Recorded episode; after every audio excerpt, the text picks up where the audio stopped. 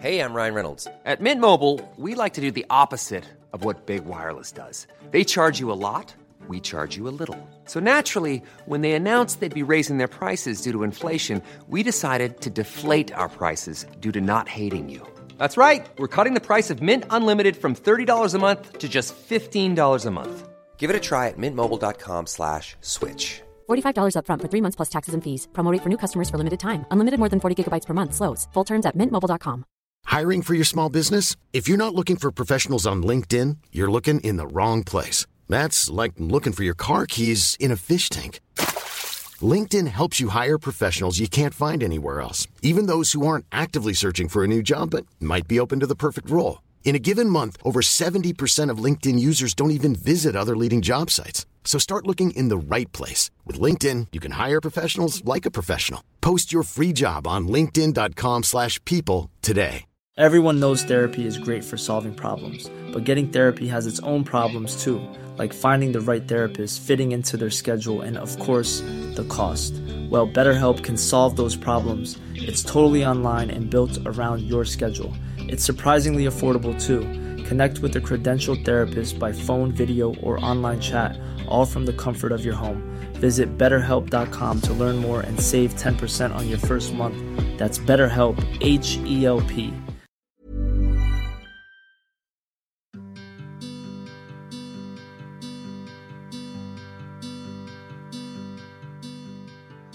Efter att ha misshandlat och ofredat Alexandra fysiskt och psykiskt i ett års tid blir Mattias till slut tagen på bar gärning. Den 10 december 2016 kommer Alexandras kompisar Emil och Lotta till undsättning efter det att Mattias slagit och sparkat på Alexandra och tryckt ner en kabellist i hennes mun. Lyckligtvis överlever Alexandra det våldsamma förhållandet med Mattias. Idag mår hon relativt bra och kan berätta om den mardröm hon genomlevt. Okej, okay. jag heter Alexandra Lindström och jag jobbar som medicinsk sekreterare. Du lyssnar på Rättegångspodden och del två av tre om förhållandet i fångenskap. Mitt namn är Nils Bergman.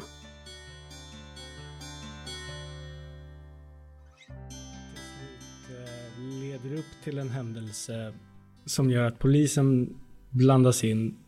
Kan du beskriva hur, eh, hur det kändes när eh, det började uppdagas att för andra vad han utsatte dig för? Ja, jag, jag gick ju inte bara och anmälde eh, bara sådär, utan eh, han blev ju påkommen mitt i. Eh, och jag vet när eh, polisen då förhör på plats. Och eh, jag vet att jag tänkte att jag eh, vägde liksom eh, om ska jag vara tyst och, och, och säga att detta är ett missförstånd och att jag tar tillbaka allting? Eller ska jag gå in i en helt, ett helt nytt typ av helvete och hoppas på stöd från systemet? Plötsligt så skulle jag berätta om alla de här grejerna eh, som han hade utsatt mig för. Saker jag inte hade berättat för någon. Och jag visste ju att detta skulle få någon typ av följd i alla fall. Där man sitter i långa förhör med tunga, tuffa frågor som jag inte hade öppnat munnen om alls. Och plötsligt så ska man sitta där och berätta för någon du inte känner med en eh, mick och en kamera riktad mot dig. Och då och gå igenom alla händelser. Det, det, det är nog det som var tuffast ihop med att eh, Alltså, I Sverige så eh, du måste ju häktas om var fjortonde dag och till och med där i början har jag för mig att du måste komma in med vissa eh, nya anklagelser eller så inom 24 timmar för att han ska bli sittande. Eh, och det var sån extrem stress för att jag tänkte att för varje förhandling så fanns ju en risk att han skulle släppas. Och då hade det ju varit eh, min sista dag den dagen han hade släppts. jag tror han hade sökt upp mig direkt och slått ihjäl mig eller... Ja. Att sitta i polisförhör var fruktansvärt jobbigt, berättar Alexandra. Men hon fick snabbt ett stort förtroende för förhörsledarna och för det målsägande beträde som tilldelas henne, Susanne Ljungqvist. Men Alexandra känner av att det finns en oro hos poliserna att Alexandra kanske skulle dra tillbaka sin anmälan eller på annat sätt förringa eller förneka det hon utsatts för. En oro som inte var helt obefogad då Alexandra vid den här tiden fortfarande brottas med känslan om huruvida hon verkligen gör helt rätt i att anmäla Mattias. För att eh, jag eh, kände att jag hade ju lovat att inte säga någonting. Det låter så enkelt, men har man blivit islagen att, att det, det, vad det är som gäller och inte gäller och han, Mattias, eh, tryckte ju mycket på min medkänsla för honom och hur hur synd det var om honom och hur, hur, hur jobbigt livet var för han. Och eh, jag tyckte så synd om honom för det. Så jag, att sitta då och sen berätta att det är så här det har varit, eh, kändes som att jag berättade eh, en hemlighet som han hade bett mig att vara tyst om. Under polisförhören lämnar Alexandra in bevis i omgångar. Bilder på skador, dagboksanteckningar och messengerkonversationer blir av största vikt. Samtidigt förhörs Mattias och flera av punkterna som inledningsvis är brottsmisstankar förnekas av Mattias och i brist på övrig bevisning står ord mot ord och åtalspunkterna avskrivs. Men Alexandra har turen att ha två ögonvittnen kompisen Emil som kommit till hennes undsättning i lägenheten under den sista misshandeln. Men även säkerhetschefen Arne, som hon inte hade någon aning om vem det var, men som polisen lyckades jaga fatt på. Det här är en tumultartad tid för Alexandra. Men vid sin sida, vid varje polisförhör, har hon sitt målsägande beträde som hon känner stort stöd från. Eh, och hon var väldigt eh, inkännande och mjuk och så. Eh, ville gärna liksom finnas där och stötta. Och liksom hon... Eh, jag kunde smsa henne eller ringa henne vilken dag som helst, kväll eller morgon, för att fråga hur... Eh, vad som ska hända nu eller hur, någonting jag kanske inte förstod i, liksom i rent praktiskt eller sådär. Och sen eh, var det ju hon och åklagaren som eh, pushade för eh, min rätt eh, när det väl var dags att möta han i rätten. Men trots stort stöd från både vänner, familj och från målsägande beträdet beskriver Alexandra vägen fram till tingsrättsförhandlingarna som dimmig och mardrömslik. Det var... Det var dränerande.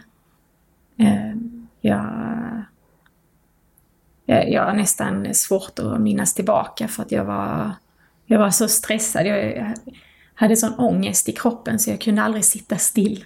Jag var tvungen att eh, gå fram och tillbaka eh, hela tiden. Och jag pluggade under den här tiden.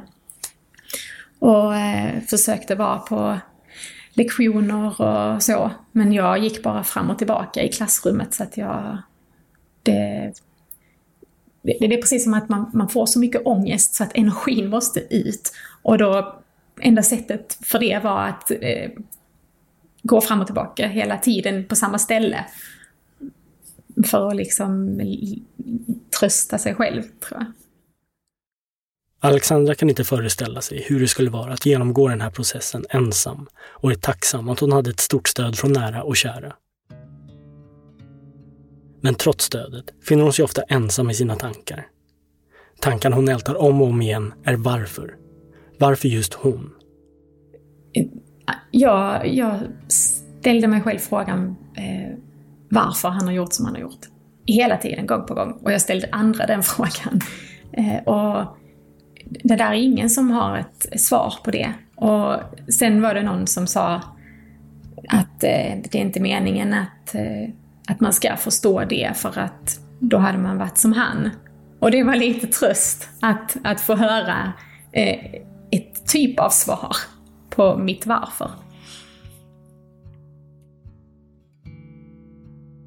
Till slut väljer åklagaren Linda Jeppsson Linderström att åtala Mattias för totalt 15 åtalspunkter som innefattar bland annat grov kvinnofridskränkning, olaga frihetsberövande och misshandel. I februari 2017 inleds tingsrättsförhandlingen och det blir en kraftansträngning för Alexandra. Ja, jag tror att när man sitter där i rättssalen och ska... Det är nästan som att hamna lite i ett chocktillstånd. Eh, där man ska tvinga sig själv att tänka tillbaka och minnas tillbaka. Och eh, jag försökte att inte titta för mycket på de människorna som var där. För det, det, det är så jobbigt ändå. Och min familj och vänner var där och stöttade. Och, eh, vilket är jättefint. Eh, men också tufft. Eh, så. Ja, varsågod åklagaren ställa frågor. Mm.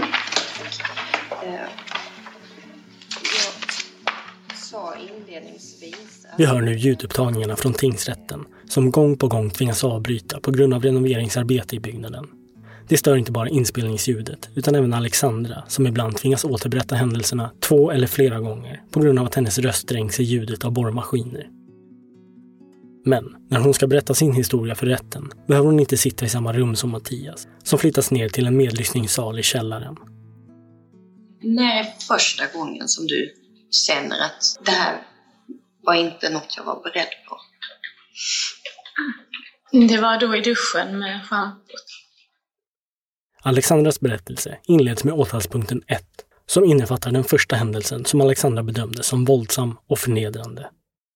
Det är händelsen som utspelar sig i duschen då Mattias, efter ett tjafs om vem som är alfa i förhållandet, gnuggar in schampo i Alexandras ögon. Och så höll han fast i, i, eh, bak i nacken på mig i håret. Och så började han skrika och eh, eh trycka in det här schampot i, i mina ögon och eh, i munnen och i näsan. Och, och under tiden han höll kvar mitt hår med andra handen. Kommer du ihåg vad han skrek? Han skrek bland annat att eh, att det är han som är alfa, att det är han som bestämmer. Mycket upprepningar av samma, samma mening liksom.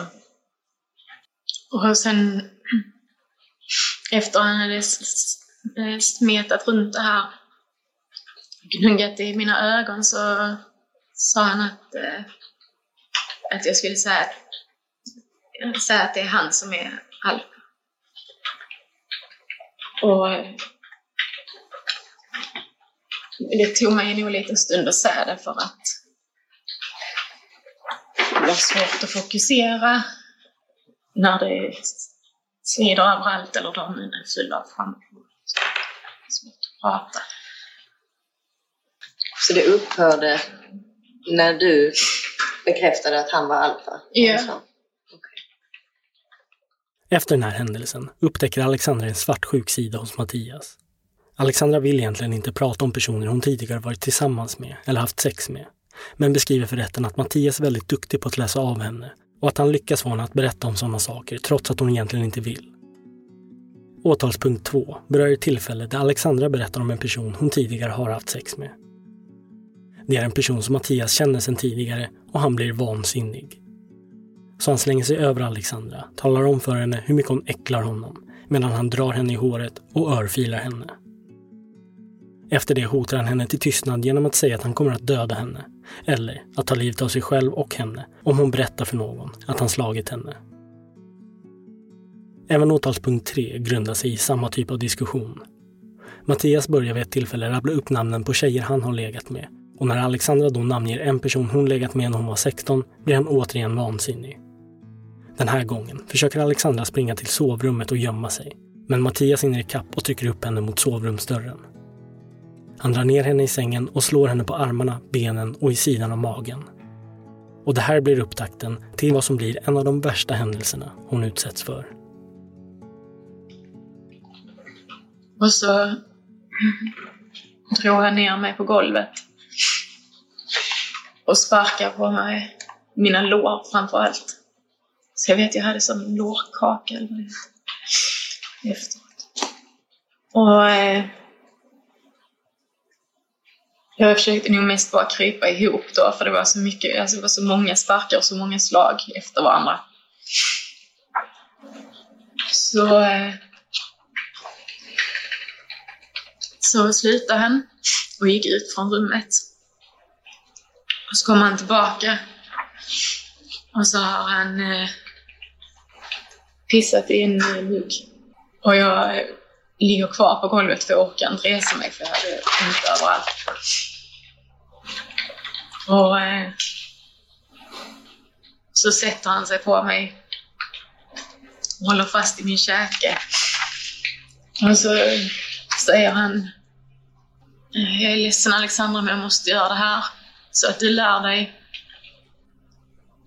Sen häller han det eh, över mitt ansikte och liksom drar isär mina läppar och in i munnen och vad ska man säga, trycker in det eller smörjer in det i eh, öronen och upp i näsan och gnuggar det i mina ögon. Och då spyr jag och försöker liksom vrida mig loss därifrån. Och sen reser han sig och då försöker jag krypa in i eh, badrummet.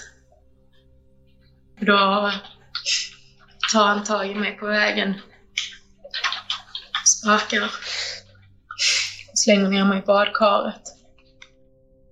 Mattias slänger ner Alexandra i badkaret där hon desperat försöker fumla rätt på kranen för att kunna tvätta av sig urinet från hennes ansikte och hår.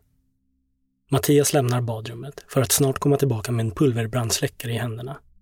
Han drar ut sprinten och börjar spruta ner Alexandra och hela badrummet med det tjocka, täta pulverdammet. Och så sprayar han ner över hela badrummet. Om man försöker andas så svider bara i lungorna, går inte, ah, alltså det finns inget syre kvar i, i badrummet. Så försöker ta typ en handduk för att andas genom den. Då kickar min astma igång. Och jag svimmar. Han bar ut mig därifrån. Alexandra svimmar av syrebrist och Mattias bär då ut henne och lägger henne på vardagsrumsgolvet. När hon kvicknar till berättar hon hur Mattias fortsätter att misshandla henne med sparkar och slag. Sparkar på mig där. Hon skriker medan jag försöker andas samtidigt som jag typ kräks.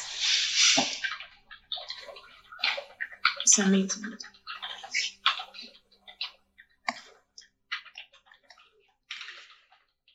Alexandra minns inte mer av händelsen och tror att hon tappar medvetandet igen. Då Alexandra lider av astma blev den tjocka dimman från pulvret nästan omöjligt att andas i, beskriver hon. Efteråt minns Alexandra att Mattias var skamsen över sitt beteende och bad henne om ursäkt. Men Alexandra tycker att den här gången gick det alldeles för långt. Det var ren och skär tortyr hon utsattes för. Och redan dagen efter skriver Alexandra till honom över Facebook Messenger där skriver hon att hon aldrig kunde tro att han skulle kissa på henne, eller tvinga henne att svälja det, eller boxa henne i magen, eller fortsätta att spruta ner henne med brandsläckaren när hon knappt kunde andas, eller ens hunnit hämta sig från den astmaattacken hon fick. Hon skriver “Hjälp mig att förstå” innan hon i ett nytt meddelande tillägger “Jag raderar detta när du ser sen, så du behöver inte oroa dig att det står i text någonstans”. Och Mattias svarar att citat allt handlar egentligen om vad som händer i mitt huvud när du provocerar mig till den nivån du gjorde. För någon annan kanske det inte är någon big deal. Men du vet att jag till och med har gjort slut med folk för att jag tycker att de haft för mycket bagage, inom parentes killar. Och när jag blev tillsammans med dig sa jag uttryckligen att jag inte ville veta någonting. För att på så sätt kunna vara lyckligt ovetande. Sist du sa ett namn lovade du att aldrig göra det igen. Du är den finaste människan som jag någonsin har träffat och jag vill göra allt för dig och ge dig allt. Det är just den bilden av att du är genomsnäll som krossas när du säger så som du gjorde igår. Och när du pajar min bild av dig blir jag fullkomligt vansinnig. Eftersom du inte sa förlåt så var jag tvungen att gå längre. Lyckligtvis sa du förlåt när du gjorde det. Annars hade jag inte slutat. Det vet jag. Alexandra svarar. Men jag förstår ändå inte. Du har ju varit med jättemånga. Saken är ju den att jag får så svårt att prata i sådana lägen. Jag kan inte tänka klart. Och då blir det ju svårt för mig att säga någonting alls. Det liksom låser sig. Men även efter att jag sagt förlåt så fortsatte du ju. Du slog mig flera gånger efter. Du klippte i mitt hår och så vidare. Då hade jag ju redan sagt förlåt flera gånger. Sedan syns inga fler svar förrän en timme efter, då Mattias säger att han måste bli bättre på att se och uppmärksamma henne. En månad går och Alexandras födelsedag närmar sig. En födelsedag som kommer att bli den värsta i hennes liv. Under tiden han pratade om att eh, han ville att vi skulle ha med en tjej till. Under natten till Alexandras födelsedag har hon och Mattias sex. Och Mattias föreslår då plötsligt att de borde ha en trekant tillsammans med ytterligare en tjej. Det här är verkligen ingenting Alexandra vill och säger därför ifrån. Han tyckte att jag var tramsig som eh, ens reagerar på det. Sen blev han eh, irriterad. Och jag ville liksom inte... Kände inte för att vara nära han. Och jag ville, jag ville inte prata mer. Så blev han eh, arg. Mattias blir arg och går mot sovrumsdörren där Alexandras badrock hänger och tar ut badrocksskärpet. Alexandra beskriver hur han sen går tillbaka och börjar binda ihop hennes händer och fötter bakom hennes rygg. Där på sängen ligger Alexandra på sidan med bakbundna händer och fötter medan Mattias skriker, slår och knäar henne på kroppen. Um, sen började han slå mig då. Knäar. Och då grät jag. Och eh, tänkte nog att eh, det var min födelsedag. Sa du det till Mattias också? Ja. Han sa att eh, eh, att så skulle alla mina födelsedagar vara. Mm. Eh, Fick du någon födelsedagspresent? Ja, en t-shirt. Senare under följande dag, när Mattias befinner sig på sitt jobb, skriver Alexandra ytterligare ett Messenger-meddelande till honom. Jag är ledsen att behöva skriva det här till dig när du är på jobbet. Men det är den enda gången jag får chans att prata utan att du slår mig. Vi kan inte göra så här längre. Jag kan inte vara tillsammans med någon som säger så som du sa i natt. Jag har varit tydlig från början med vad jag söker. Och att min pojkvän frågar om vi kan ha trekant med en annan tjej ingår inte i den typ av förhållande som jag vill leva i. Du råkade dessutom själv erkänna i natt att du bara har flickvän för att ha någon så du slipper sova själv. Om det är jag eller inte spelar inte så stor roll för dig. Men nu börjar allting ordna upp sig igen. Du har jobb och att hitta en ny tjej kommer inte bli svårt för dig. Så du kommer klara dig fint.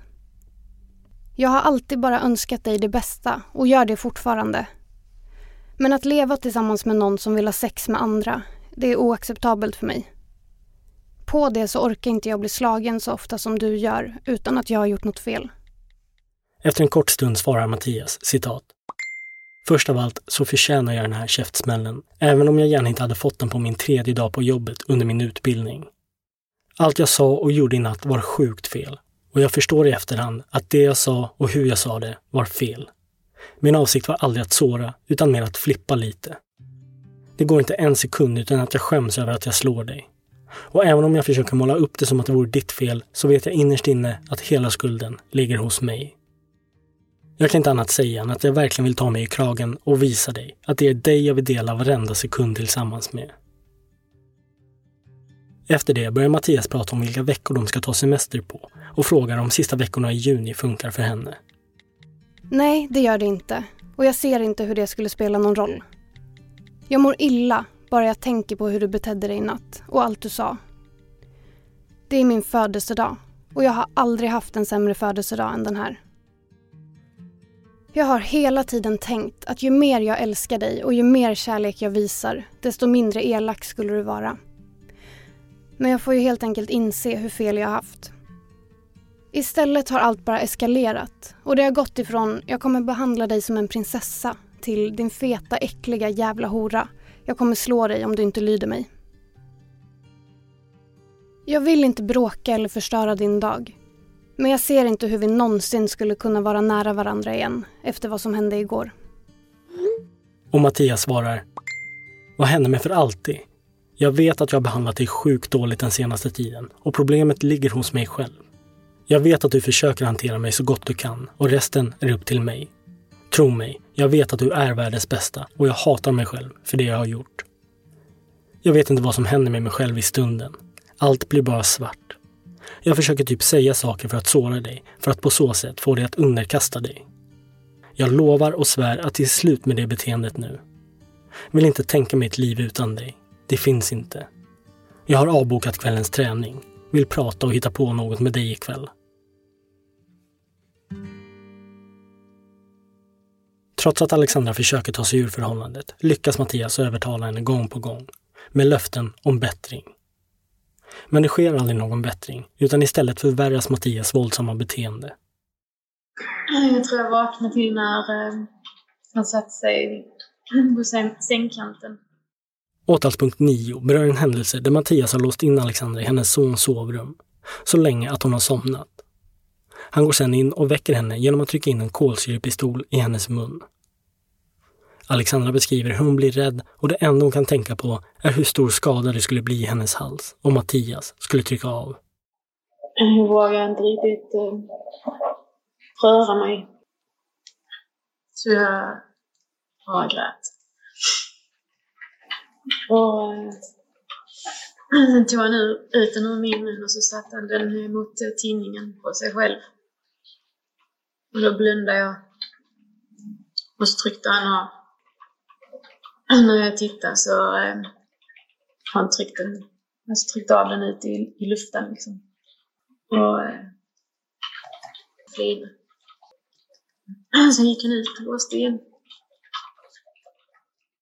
Efter att ha hotat Alexandra med kolsyrepistolen lämnar Mattias rummet och låser efter sig så att Alexandra blir inlåst i ytterligare tre timmar. Efter det agerar Mattias som om ingenting har hänt. Har det hänt fler gånger att han har gjort så? Provat grejer?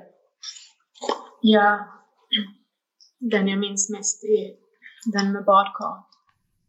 Alexandra märker hur Mattias experimenterar mer och prövar nya metoder att tortera henne på. Vid ett tillfälle, när de sitter och tittar på en film, ryggar Alexandra tillbaka när det är en scen med en person som drunknar.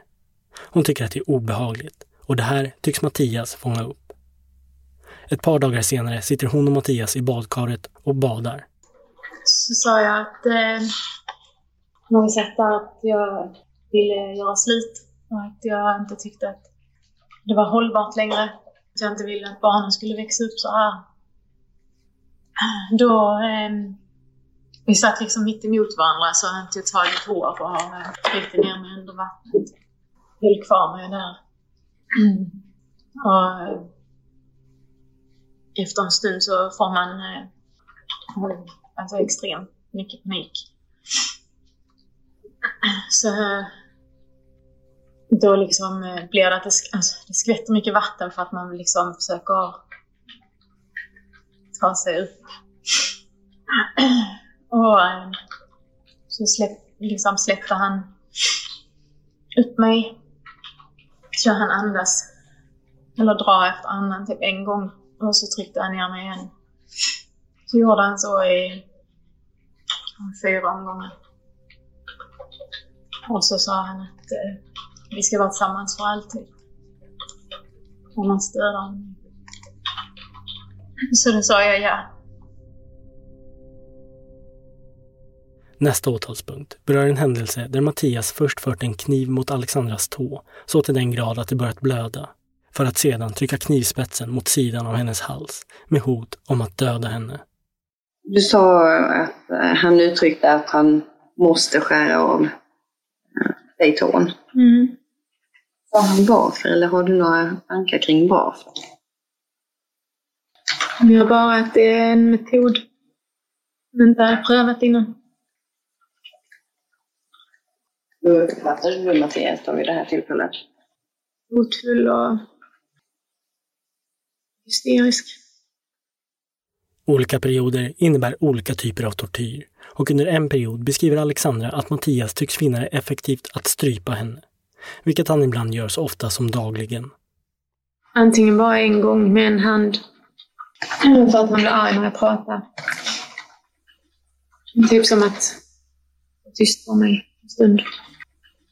Och ibland eh, ströp han mig tills jag svimmade eller tills jag höll på att svimma. Kändes det? Obehagligt. Man får panik efter en stund när man inte får luft.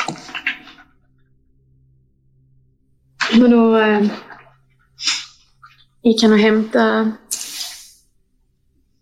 min eh, inhalator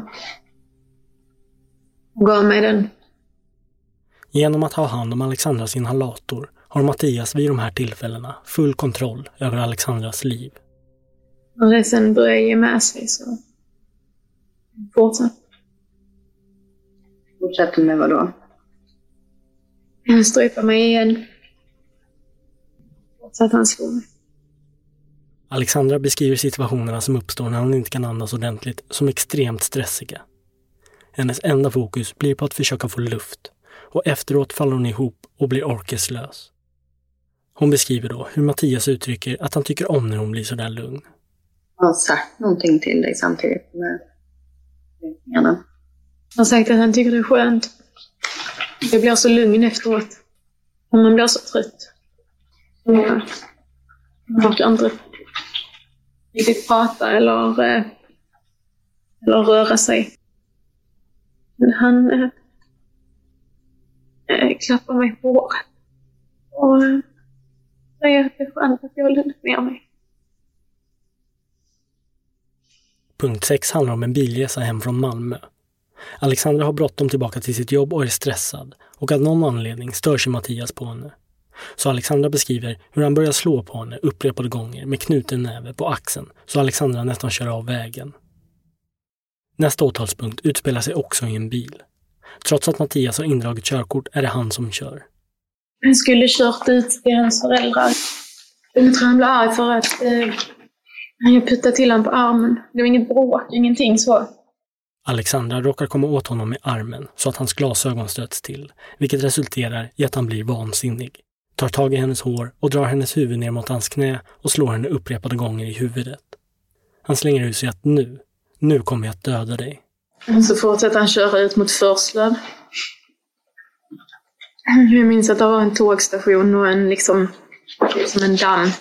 Jag tror han ser det då på vägen och, och han börjar skrika att han ska dränka mig där. Men nu ska du dö. Så han liksom svänger av från den här länsvägen.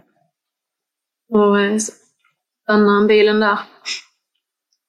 Då försöker jag springa ut genom min eh, dörr. Men så eh, hinner han före mig liksom. Och eh, halvt drar mig i håret och halvt puttar mig framför sig. Och så eh, kommer vi ner till en sån här eh, dunge. Det är några träd och lite buskar och så. Och sen tar eh, tag i en pinne som han hittar där. Skriker att han ska slå ihjäl mig. Han slår den på mina armar och ben. Sätter den eh, liksom pinnen runt halsen under hakan. Drar mig uppåt liksom. Och så skriker han att jag måste be honom om förlåtelse. Och jag säger förlåt hela tiden. Och han fortsätter skrika samma sak. Så tar han en brännässla och säger att han ska bränna mig med den över ansiktet. Att jag ska sitta på mina knän och be honom om förlåt. Så jag gör det. Då säger, han, säger han att jag ska ha mina händer och knän. Verkligen ber honom. Inte förrän Alexandra står där på sina bara knän framför honom och ber om förlåtelse slutar Mattias och lugnar ner sig. De var egentligen på väg till hans föräldrar på middag, men de planerna ställs nu in. Anledningen till att Alexandra drar sig från att anmäla sådana här händelser är för att hon vid den här tiden lever under ständigt hot. Har du varit rädd för att någon annan ska bli skadad? Ja. Han har ju hotat att döda barnen. Barnens pappa och min familj. Vänner. Han har hotat Lotta och hennes son. Det är i slutet av sommaren 2016 som Alexandra upplever att Mattias är på väg in i en ännu värre period. Vid ett tillfälle behöver hon uppsöka läkare för ryggsmärtor men vågar inte berätta att hon har blivit knäad i ryggen av sin sambo.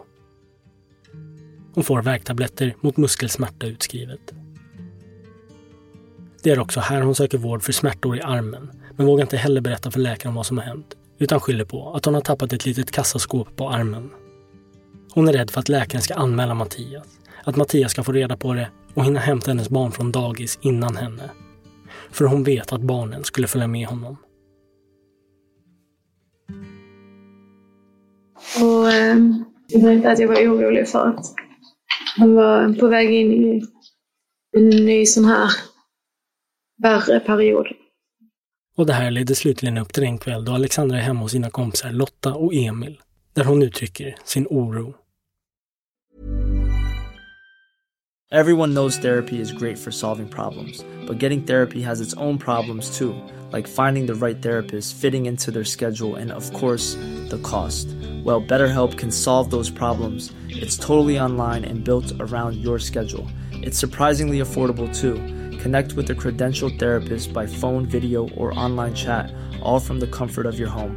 Visit betterhelp.com to learn more and save 10% on your first month. That's BetterHelp, H E L P. Hey, it's Ryan Reynolds, and I'm here with Keith, co star of my upcoming film, If, only in theaters, May 17th. Do you want to tell people the big news?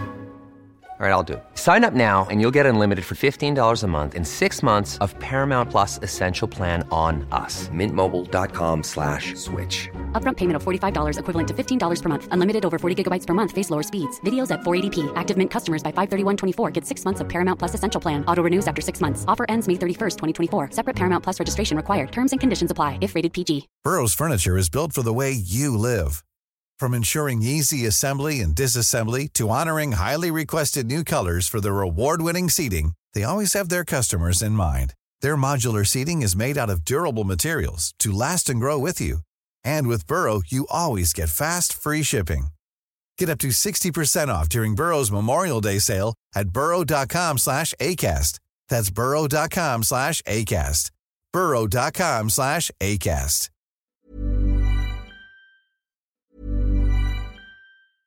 Hey, it's Paige DeSorbo from Giggly Squad. High quality fashion without the price tag. Say hello to Quince. I'm snagging high-end essentials like cozy cashmere sweaters, sleek leather jackets, fine jewelry, and so much more. With Quince being 50 to 80% less than similar brands. And they partner with factories that prioritize safe, ethical, and responsible manufacturing. I love that. Luxury quality within reach. Go to quince.com slash style to get free shipping and 365 day returns on your next order. Quince.com slash style. Bakgrunden till bråket som kommer att utspela sig i hennes hall den här kvällen är att Alexandra hört att Mattias varit med en tjej tidigare som han behandlat illa och konfronterar honom med det. Det uppstår då ett bråk och Alexandra slänger ut sig ett namn på en som hon tidigare har varit med. Och likt flera gånger tidigare får det Mattias att se svart. Då eh, slänger han sig över mig i soffan. Och har liksom ett strypgrepp och trycker ner mig. Vrider han min arm. Handleden åt ett håll och armbågen åt ett för att han ska bryta min arm. Och eh, ser han att eh, balkongdörren är öppen. Och han släpper mig så han ska stänga den. Och eh, då försöker jag springa därifrån. Men han tar tag i mitt hår. Slänger ner mig på golvet. Drar ut mig i hallen. Och sparkar på mig där. Och sen tar han av sig sitt skärp och viskar mig med det. Sen eh, han sig på mig och håller för min näsa och min mun så jag inte andas. Sen släpper han där och tar... Eh, vi skulle flytta så att vi hade abelister och så. Och de hade vi i hallen så han tar en sån och eh, börjar trycka ner det i min hals. Och då kommer Emil in genom dörren. Och då eh, reser sig Mattias direkt. För han liksom halvt står, halvt sitter över mig då. Och börjar backa in i sovrummet. Som om han inte riktigt vet var han ska ta vägen. Och eh, Emil kommer in. Går bort och pratar med Mattias. Så han frågar vad som händer och varför jag ligger där och gråter. Och eh, nu backar jag undan. Emil och Mattias går in i vardagsrummet. Emil säger att de får sätta sig ner där och prata lite. Och eh, rätt vad det är så bankar det på dörren och så skriker de polisen och så springer det in massa poliser. Ihop med Lotta. Då har hon sprungit ner och ringt dem när Emil sprang upp. Hur kände du då när poliserna kom? Jag var nog rätt blandad. Dels hur sorgligt allting var. Uh, dels när de började ställa frågor så, ja, jag vet inte, som om man kände att ledsen och rädd och orolig och ångest och ja, allting på en gång. Kände du någon lättnad? Ja, under allt det här andra så gjorde jag nog det. Glad att Emil kom när han kom. Efter att ha vittnat i två dagar och fått återberätta flera av händelserna flera gånger på grund av bristande ljudförhållanden är det Mattias tur att flyttas upp från källaren in i rättssalen. När Alexandra sagt sitt är hon orolig för att det hon berättat inte kommer att räcka för att övertyga tingsrättens nämndemän. Hon vet hur duktig Mattias är på att prata och har genom hans polisförhör förstått att han i princip förnekar allting. Jag var väldigt stressad av det från, från, från start. Att, eh, att ingen skulle tro på det jag sa. Eh, och han försökte ju intala alla andra att eh, det var jag som var sjuk. Att det var jag som eh, gjorde alla de här grejerna mot mig själv för att sen skylla på honom. Och jag var jätteorolig att folk skulle tro att, att det var som han sa. Eh, jag var jätteorolig även, även under rättegången och efter ja, att de inte skulle tro på mig och att de skulle släppa honom direkt när allting var klart. Så ja, jag var absolut orolig att inte bli trodd. I del tre hör vi mer från Alexandra, men vi hör också Mattias förklaringar till de åtalspunkter som ålagts honom. Han påstår att Alexandra i princip ljuger om allting. Och han berättar att han själv har suttit och tänkt under de här två månaderna han har varit häktad och äntligen kommer fram till ett svar på varför hon gjort det. Det finns ingen som inte tycker att när män är svartsjuka så tar de till våld. När kvinnor är svartsjuka så tar de till något annat. Det är så, oavsett vad vi försöker intala oss så är det så våra hjärnor fungerar. Jag är ingen doktor så jag kan inte säga det exakt.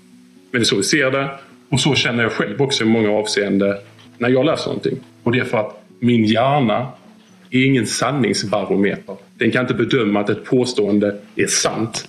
Utan det enda den kan göra är att säga ifall någonting låter sannolikt eller inte. Ingenting annat. Men jag kan lova, även om det inte låter som det så kommer jag komma till poängen. Mitt namn är Nils Bergman. Ansvarig utgivare är Jonas Häger. Röstinläsning Joella Busk. Tack för att ni lyssnar.